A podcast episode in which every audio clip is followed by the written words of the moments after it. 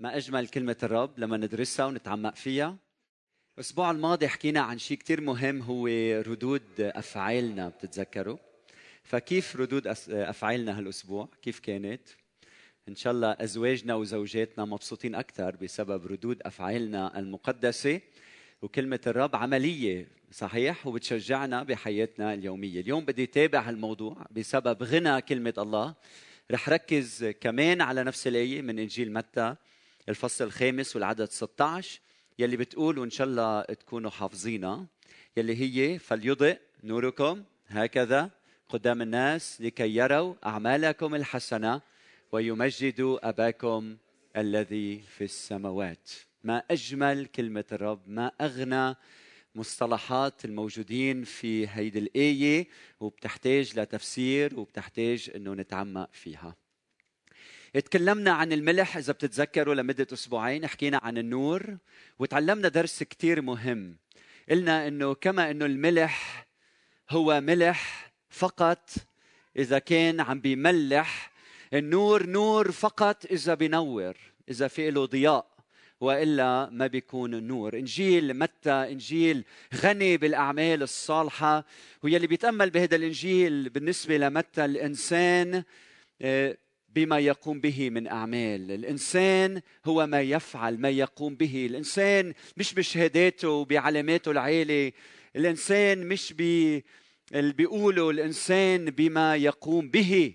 فالأفعال الصالحة المقدسة شغلة كثير مهمة وعظة الجبل بتتوج هيدي الحقيقة وبتنتهي بأهمية الأعمال الصالحة أن نعيش هيدي الأعمال وتكون حياتنا مؤسسة على على الصخر. فالإنسان أخوتي يعرف من أعماله. الإنسان ما يصدر منه يحيا الإنسان إيمانه بأعماله. إذا بدك إيمان حقيقي يظهر بالأعمال المقدسة. بالنسبة للرب يسوع المسيح العظة يلي وعظها على الجبل هيدي العظة العظة لها تأثير آه، ليس بكلامنا إنما بأفعالنا. بالنسبة للرب يسوع المسيح عطيه النور يلي بنختبرها أخوتي هي مش بس نعمة هي نعمة ومسؤولية أيضا.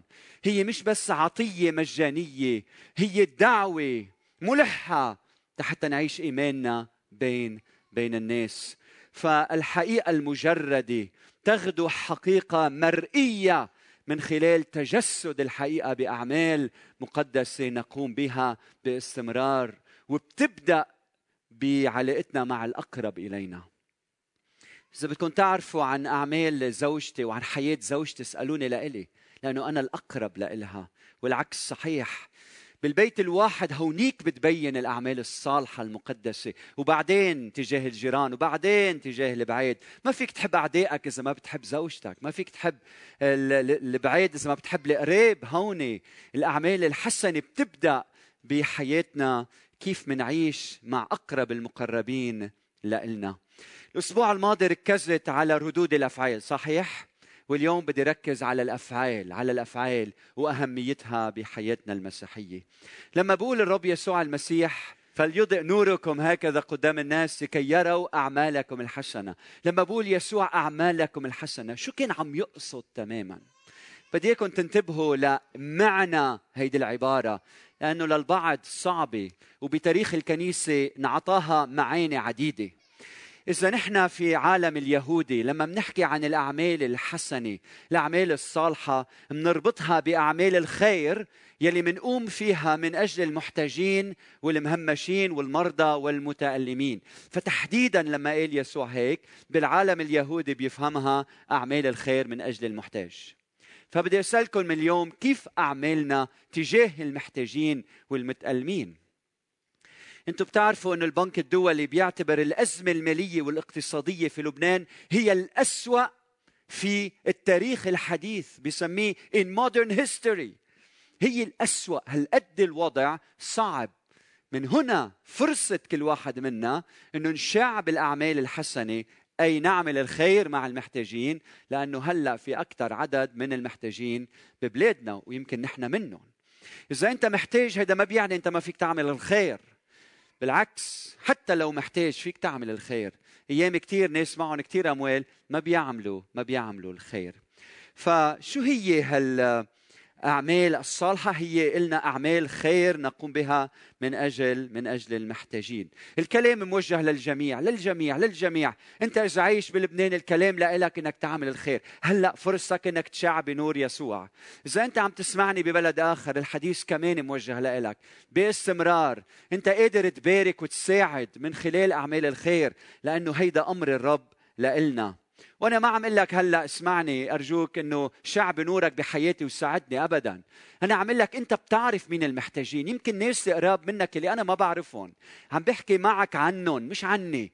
عم أقول لك هن محتاجين لك يمكن عندهم خجل إنه يطلبوا منك مساعدات لكن أنت حس بالناس اللي حواليك اللي قريب منك يلي عايشين بهالبلاد ويمكن أنت كنت بهالبلد وتركته وسافرت. فحس مع هالناس وساعد قديش فيك. ساعد الكنائس ساعد مؤسسات ساعد عائلات ساعد أفراد. أرجوك ساعد. ونقطع على السطر. وأنت بتعرف مين لازم تساعد. لكن شو هي هالأعمال الصالحة؟ قلت بالسياق اليهودي هي فقط أعمال الخير يلي بنقوم فيها.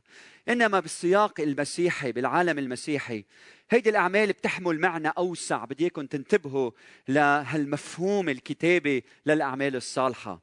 الأعمال الصالحة بالنسبة للحياة المسيحية أخوتي هي السلوك العام فاكتب كلمة سلوك عندك هي سيرة حياة هي أسلوب حياة هي اخلاق الأخلاق المسيحية هي الصفات في نفس الإنسان والأعمال يلي بتصدر من هيدي النفس وتوصف بكرم الأخلاق وسمو الأفعال. هي بحسب متى اخوتي هي حياة البر بنسميها بالإنجليزي distinctive lifestyle. Distinctive lifestyle. يعني أسلوب حياة متميز جدا. يلي في كل شيء بتعمله من حولك بشع بنور يسوع. مش عم يحكي عن إنك تعيش مثل ما بدك ومن وقت للتاني. بمناسبة بعيد بحدا دعاك إنك بتقوم بعمل خير بتقوم فيه. لا لا لا. هي أسلوب حياة. هي سيرة ذاتية. هي حياة بكل ما للكلمة من معنى. لكل شيء بتعمله هو آه، بينبض بالحياة وبالأعمال الحسنة تجاه الآخرين. هي طريقة عيش. فمنلاحظ إنه في ناس لما بتدعيهم ليعملوا خير بيعملوا خير لكن بيبقى عايش كل حياته بالشر وبالخطية كأنه بفيق ضميره للحظة من اللحظات. لا مش هيدا الكلام. هون الأعمال الحسنة هي سيرة حياة. في أشخاص لما ما بيكون بيكون الوضع منيح مثلا وضع البلد مزدهر بتحسهم بالهم بحالهم عم يشتغلوا عم يجمعوا مصاري لنفوسهم لذواتهم صح؟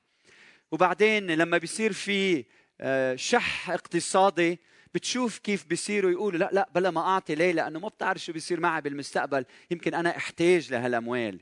فبكل الظروف ما بيعطي بكل الظروف منه كريم بكل الظروف ما بيعمل أعمال حسنة. فالمؤمن التلميذ ليسوع بالعكس تماما على الرغم من الظروف هو اللي بيعمل أعمال حسنة في استمرار. وإذا بنشوف شو النتيجة انتبهوا معي ثلاث نتائج. النتيجة الأولى لما بتعمل أعمال حسنة إنك أنت بتختبر ملء البركة لأنه مغبوط العطاء أكثر من الأخذ صح؟ إياك تفكر لما كنت لما أنت تعطي الآخر بس بيستفيد. إياك تفكر لما بتعطي بس الآخر بيستفيد. إياك. لما بتعطي انت بتمتلئ من البركة بتعيش ملء الحياة لما بتعطي. رقم اثنين لما بتعطي الآخر تسد حاجته. لكن بالنص اللي قدامكم الهدف الأساسي من العطاء من الأعمال الحسنة مش إني سد حاجة الآخر يلي هي شغلة كثير مهمة لكن إني ساعد الآخر يكتشف مصدر هيدي الأعمال ويعرف الرب يلي أعطاني القوة لحتى أقدر أعمل هالأعمال الحسنة. فأنت كل ما تعمل عمل حسن عم بتضوي وعم تعكس نور يسوع بالعالم. والناس عم تتعرف على ربنا من خلال أعمالك الحسنة. فشو الغاية؟ الغاية يتوج يسوع ملك. لما بنقول يتمجد الله يعني ليأتي ملكوتك. ليأتي ملكوتك. لتكن مشيئتك كما في السماء كذلك على الأرض. يتوج هو ملك على حياتنا بواحد بطرس 2 11 و12 تأملوا بهالكلمات وشوفوا علاقتهم بهيدي الآية بإنجيل متى الفصل الخامس والعدد 16 كلمة الله تقول أيها الأحباء أطلب إليكم كغرباء ونزلاء أن تمتنعوا عن الشهوات الجسدية التي تحارب النفس وأن تكون سيرتكم يا ريت معكم كتب المقدسة وبتسطر كلمة سيرتكم وأن تكون سيرتكم بين الأمم حسنة سيرة حسنة أعمال حسنة. اللي كي يكونوا فيما يفترون عليكم كفاعلي الشر شو بيعملوا؟ شو بيعملوا؟ يمجدون الله في يوم الافتقاد.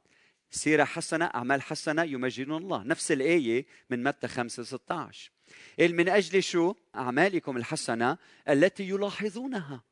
اللي بيمجدوا الله من خلال أعمالكم الحسنة. الأعمال الحسنة تقود إلى تمجيد الله. فأنت لما بتساعد تذكر أنه أنت مش بس عم بتسد حاجة وعم تمتلئ من البركة أنت عم بتكون مرآة بتعكس السماء على الأرض. أمين؟ هالقد مهم إن نقوم بأعمال حسنة. طيب بدي أحكي شوي عن الأعمال الحسنة اليوم. الأعمال الجميلة الجذابة من أين تأتي؟ من أين تأتي؟ الأعمال الحسنة نابعة. هالأعمال الحسنة برأيي الأعمال الحسنة نابعة من انتبهوا معي من صفات في الذات صفات في الشخصية صفات أخلاقية بتسود على سلوكنا. وبالإضافة للصفات رح استعمل كلمة قدرات. أوكي؟ وهلا رح أشرح الكلمتين فهالاعمال الحسنة يلي نحن بنقوم فيها النابعة من صفات في الذات بتخلينا نعمل هالأعمال الصالحة وقدرات معينة. لما نحكي عن الأعمال عن الصفات الأعمال نابعة من صفات بالشخصية بالكيان وحدة منهم هي المحبة. المحبة والمحبة انتبهوا معي صفة في الذات صفة في الكيان بتنعكس بأعمال محبة. يعني ما في محبة غير عاملة. أوكي؟ فإذا أنت بدك تعرف أنت بدك تتزوجي شخص آخر وبيقلك بحبك بحبك بحبك إذا الأعمال إذا المحبة ما بيرفقها أعمال محبة ما بتكون محبة. وحدة تانية الفرح. الفرح هي صفة في الذات بتنعكس بالاكتفاء بعدم التذمر بالاتكال الكامل على الرب. فإذا واحد عنده صفة المحبة ما بيتذمر مثل غيره في المجتمع اللي عايش فيه. فبشع بهالفرح من خلال الاكتفاء والاتكال على الرب. وحدة ثالثة هي السلام. السلام هي صفة في الكيان بتنعكس في علاقات مسالمة ومصالحة بين الناس. في شاب قال لي هالأسبوع تحديدا قال لي أنا بسلام بس المهم ما حدا يتعاطى معي. أوكي؟ يعني أنا بسلام إذا عايش بصحراء ها؟ مش هيدا هو السلام اللي عم يحكي عنه. هيدا السلام عم بقول لا أنا منخرط بالمجتمع أنا عايش بين الناس أنا عندي عائلة أنا بخدم الرب أنا عندي آه، زملاء بالعمل أو بالخدمة أو أو أو أو وهو كلهم بستخدمهم لبناء السلام لصناعة السلام. فأنا بسلام. هي الصفة في الذات بتنعكس بأعمال سلام بحياتنا اليومية. بعدين عنا طول أنات طول الأنات هي صفة في الذات بتنعكس بالصبر بحياة فيها احتمال وتحمل. يعني إذا واحد بيقول يا خيي أنا ما بقى طايق أعيش بهيدا البيت بدي أترك زوجتي وفل هيدا شخص ما عنده صفة طول الأنات. صحيح؟ لأنه طول الأنات منا كلمة هي طول الأنات هي صبر واحتمال وتحمل إلى أقصى حد. من أجل الآخر. فإذا أنا عندي هيدي الصفة بتنعكس بأعمال حسنة. بعدين عند اللطف. اللطف ثلاث أمور باللطف. اولا اللطف الشخص اللطيف يلي بكيانه في لطف. اللطف بينعكس باختيار مصطلحات محددة. وبيحكي هالكلام بأسلوب معين. وبيطلع منه أعمال خدمة مقدسة. فكلام أسلوب أفعال فيها لطف. اللي عنده هيدي الصفة بينعكسه بحياته اليومية. بعدين عندنا صفة كثير مهمة في الذات هي الصلاح. هي الصلاح الصلاح يعني النزاهة يعني القداسة يعني إنك تعيش إنسان مستقيم.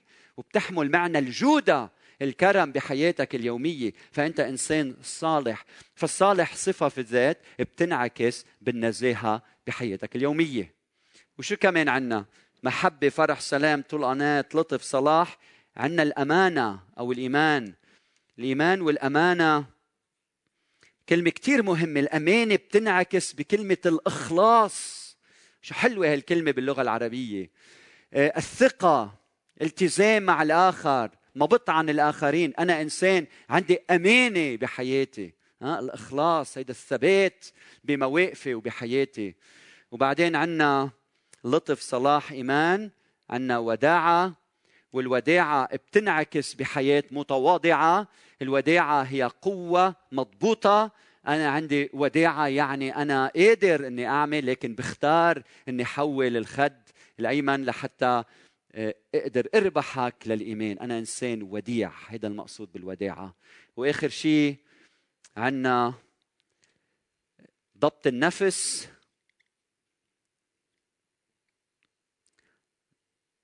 ضبط النفس أكيد كلكم معجبين بخط الجميل. ضبط النفس شو ضبط النفس؟ ضبط النفس هي صفة في الذات أخوتي بتنعكس بحياة القداسة والتعفف.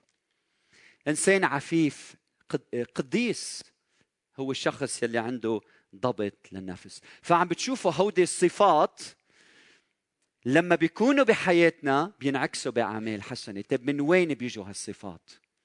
هودي الصفات صفات بيزرعهم الروح القدس فينا لما منآمن بيسوع. يعني لما بتعطي حياتك ليسوع بيسكب هودي الثمر بحياتك. فاصل الروح القدس من هيك لما الناس بتشوفهم بتمجد الله. آمين؟ بمجدوا الله لأنه بيشوفوا هالثمر النابعين من الروح الروح القدس.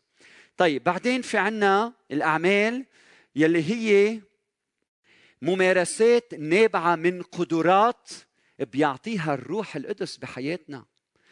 أنت اللي عم تسمعني يمكن بتعرف بس في كثير ما بيعرفوا إنه أنت لما بتاخذ قرار تتبع يسوع الروح القدس مش بس بيعطيك ثمر يلي هن الصفات في الشخصية بيعطيك قدرات منا قدرات كلامية بالخدمة بالتدبير بالإدارة قدرات في التعليم قدرات في الوعظ قدرات في مشاركة إيمانك قدرات في خدمة المحتاجين hospitality الكرم في العطاء قدرات بتطلع وبتقول أنا أنا عندي إياهم هم أنا ما عندي شيء منهم. فبصير ربنا ينمي فيك قدرات بتتحول أعمال حسنة فقط إذا عندك صفات يلي هن ثمر الروح وبيكونوا سبب بركة للآخرين. يعني ممكن الله يعطيك قدرات تستخدمها للشر صح؟ طب مين بيستخدم القدرات للخير؟ مين؟ يلي عنده هود الصفات. فيلي عنده هود الصفات بيستخدم هيدي القدرات للخير. فيلي بيعيش وبيسلك وبيعمل أعمال حسنة هو هيدا الإنسان هيدا التلميذ يلي قدر يجمع ثمر الروح وشو كمان؟ ومواهب الروح مع بعضهم البعض. فهيدا الدمج بيعمل double shot بيعمل هيدا التأثير الفعال بحياة الناس. انتبهتوا معي؟ وإذا هود اثنيناتهم مش موجودين بتبقى أعمال حسنة تبعنا محدودة. يعني ممكن شخص يكون عنده محبة لكن كسول ما بيعمل شيء بحياته.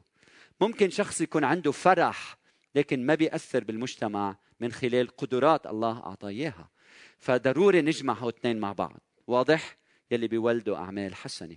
حدا مثل مارتن لوثر المصلح الإنجيلي والراهب قال إنه لما يسوع حكي عن الأعمال الصالحة الحسنة كان قصده القدرات. من هيك قال إنه لما يسوع قال أنتم ملح الأرض كان قصده يسوع أنتم ملح الأرض يعني أنتم عندكم مهمة الكرازة ونشر الإنجيل. نور العالم يعني أنتم مبشرين كارزين ربطها بالقدرات. وقال الملح هي البشارة يلي بتحمل رسالة دينونة والنور هي البشارة يلي بتحمل رسالة أمل ونعمة وخلاص. ونحن لازم نحمل هالبشارة والنادي فيها. برأيي إنه هودي بيجمعوا الاثنين. هن مش بس قدرات هن الصفات في الشخصية بيتحولوا حياة وسلوك. فالرب اليوم عم بيقول لك كيف هيدي الصفات بحياتنا؟ كيف هيدي القدرات بحياتنا؟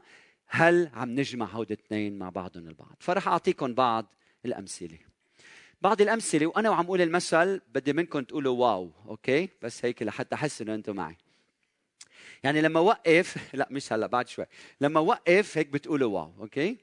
فتأملوا معي شخصية متواضعة. شو حلو شخصية متواضعة موهوبة بالموسيقى وبتدرس موسيقى وفن قيادة التسبيح وبتصير قائد التسبيح قديش بتمجد الله بحياتها صح؟ لو كان هذا الشخص بيفهم بالموسيقى قد ما بدكم لكنه متكبر وما بفكر بالفريق اللي معه وما باله إلا بحاله شو بيصير؟ ما بيتمجد الله صح؟ طيب فكروا معي بشخص لطيف لديه موهبة التعليم وبيتخصص بمبادئ التواصل الفعال والتعليم الناجح وعنده حسن اختيار الكلمات والتعابير شاطر ولطيف. قديش بيتمجد الله بحياته صح؟ طيب تأملوا معي شخصية كريمة. شخصية كريمة. قادرين تشوفوا لهالشخص الكريم؟ شخصية كريمة. بعدين عندها هيك مواهب إيادية قديش بتستخدم خدمتها الإيادية لتأثر بالناس من أجل الخير العام. شو حلو. تصوروا معي مؤمن عنده طول أنات. آه خي وثقة بزوجك. شو حلو. أو زوجتك. أوه شو حلو. وهيدا الشخص عنده طول أنات بس عنده موهبة خاصة. هي موهبة التدبير والإيادة والإدارة والتنظيم. وتصوروا إنه هذا الشخص تخصص بإدارة الأعمال. قديش هذا الشخص بيقدر يمجد الله صح؟ طيب تصوروا معي شخصية فرحة. واو فرحة. وأكثر من هيك عندها انجذاب للناس وبتحب تقضي وقت مع الناس وبناء العلاقات بتدرس الإرشاد وال mentoring و coaching و counseling قديش هذا الشخص بيأثر بالعالم؟ صح؟ بأعماله الحسنة. طيب تصوروا معي شخصية مخلصة نزيهة. هيدي بدها واو. واو هيدي شبه مش موجودة ببلادنا. شخص مخلص ونزيه وهيك وصادق وكثير موهوب بالأرقام. بيحفظ الأرقام بينظم الأرقام وبيدرس محاسبة.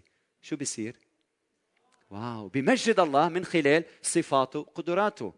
طيب تصوروا معي شخص هيك وديع وموهوب بخدمة الأولاد. شو بيعمل بأولادنا؟ وإذا درس علم وفن تدريب الأولاد وشخصيات الأولاد وكيف بينموا وبيتقدموا. إذا هو جمعتهم مع بعض بصير عندك شخص واو بيأثر وبيمجد الله. طيب عندنا شخصية عفيفة. عفيفة مش اسمها عفيفة يعني بتتصف بالعفة والطهارة. موهوبة بالعلاقات وبالتعرف على الناس وبتتخصص بالكرازة وبتدرس كلمة الله وفن التواصل وشخصية مقدسة. كل ما واحد يشوفها بمجد بمجد الله. واو. شخصية أمينة وحكيمة كمان هي بدها واو. وموهوبة بخدمة الناس والمجتمع بتدرس العلوم السياسية والاقتصاد. وشو بتصير؟ نايب مدير عام. لكن أمينة وحكيمة ومخلصة. قديش بيتمجد الله؟ مش هيك؟ واو. فهودي الأشخاص يلي عم نفتش عليهم. أخوتي أرجوكم اسمعوني. كلمة لرعاة الكنائس كلمة لقادة الكنائس الخدام لكل واحد بكنيسة.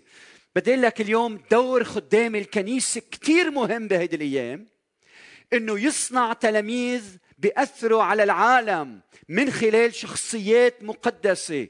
عندهم قدرات إلهية خارقة. مع صفات مقدسة جدا كيف إنه نحن نطور هودي القادة ونطلقهم إلى العالم لحتى هن يصيروا قادة المستقبل ويعملوا تغيير في بلادنا. هيدي مسؤوليتنا الأولى أنه نجمع بين هول الاثنين بتشوف ناس عم يعملوا أمور بس عندهم قدرات من نوع آخر. غلط. بتشوف ناس عندها قدرات ما عندها صفات. غلط. بدنا إياهم هودي يشتبكوا مع بعضهم البعض. وإذا الكنيسة ما قامت بدورها في تنشئة جيل أعماله حسنة يعني ثمر ومواهب يفسد المجتمع يفسد المجتمع. برايي تغييرات المجتمع بتبدأ من هون. من هيك أشرف خدمة ممكن إنك تقوم فيها هي خدمة المنادات بالإنجيل بالكلام وبالأعمال وبالشخصية المقدسة. هيدا يلي بغير المجتمع. يعني المجتمع تغييره بيبدأ من هنا مش من محل آخر من هنا. هلا بدي طبق عمليا على بلدنا لبنان. أوكي؟ طيب ليش عنا كم هائل من قادة فاسدين بهالبلد؟ ليش؟ الكل بيحكي عن فساد القادة السؤال هو لماذا؟ طيب ليش عنا قادة فاسدين الجواب؟ لأنه عنا بيئة حاضنة للفساد. يعني عنا عائلات أنشأوا شباب وصبايا فاسدين أخذوا مراكز استخدموا هالمراكز لمصالحهم الشخصية. فالمشكلة بالقادة هي مش المشكلة في القادة تحديدا هي المشكلة بالبيئة يلي وصلتنا لهون. العيلة يلي أنشأت هيك نوع من الأولاد بشكل عام. نعم أيام بيكون عندك عائله مقدسة بيطلع ولد منه مقدس. بس بشكل عام عم بيحكي كمبدأ عام كمبدأ عام طيب السؤال هو هودي القادة من وين جايين يا جماعة؟ هل جايين من كوكب آخر؟ لا هن أولاد هالبيئة صح لكن هلأ بدنا نطلع بالبيئة البيئة مؤلفة من عائلات صح لكن عندنا مشكلة بالعائلة طيب ليش العائلة فاسدة اليوم بالمجتمع اللبناني أو عم بحكي بشكل عام ما عم بحكي الكل لماذا؟ الجواب هو برأيي إنه دور الكنيسة غير فعال في بناء العيلة صح؟ إذا إذا العيلة إذا الكنيسة هي ضمير المجتمع والكنيسة بطلت فعالة في بناء عيلة مقدسة رح يطلع منها العيال أشخاص يقودوا بلاد وهن فاسدين. لكن المشكلة ربما هي فينا.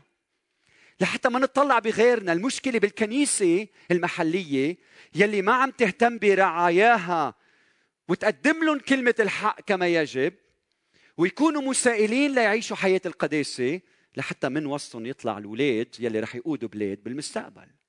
فربما لازم نرجع نعمل إعادة نظر بكنائسنا بهيدا الشرق. يا أخي يمكن الكنيسة مر عليها الزمن يمكن دخلت بتقاليد وعادات يلي اهترت يا أخي من هون ضرورة التجديد الذاتي. يا خي الإصلاح الذاتي كثير مهم.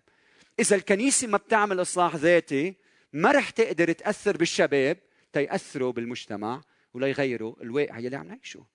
فكل اللي عم بيفكر اليوم إنه عندنا زعماء فاسدين لكن الشغلة طويلة لأنه لازم نغير البيئة ودور الكنيسة تكون فعالة بهالبيئة. فشو المطلوب؟ المطلوب كنيسة فعالة مقدسة بتأثر على الشباب وعلى الجيل الجديد وتشكله بطريقة لحتى لما بياخذ مراكز عالي يحافظ على هالقيم ويعيشها بين الناس ويخدم المجتمع يلي من حوله. فالمسؤولية بترجع علينا. طيب كيف بنغير لبنان؟ معلش طولوا بالكم علي شوي. بنغير لبنان أول شغلة أول شغلة لما نحن منعيش حياة مستقيمة. مستقيمة يعني نحن بأعمالنا وبسلوكنا بصلواتنا. يا ريتنا منصلي قد ما منتذمر. يا ريتنا منصلي قد ما مننتقد. يا ريتنا منصلي لهالزعماء كما يجب. منقول بدنا معجزة بلبنان. كيف بيصير في معجزة إذا ما منصلي؟ ما المعجزة ما رح تيجي إذا نحن ما بنركع ومنصلي. فالصلاة على ركبنا شغلة مهمة. فالكنيسة المصلية الرعاة المصلين القادة المصلين الخدام المصليين الشعب المصلي. لك الأم المصلية لأولادها. البي المصلي لأولاده.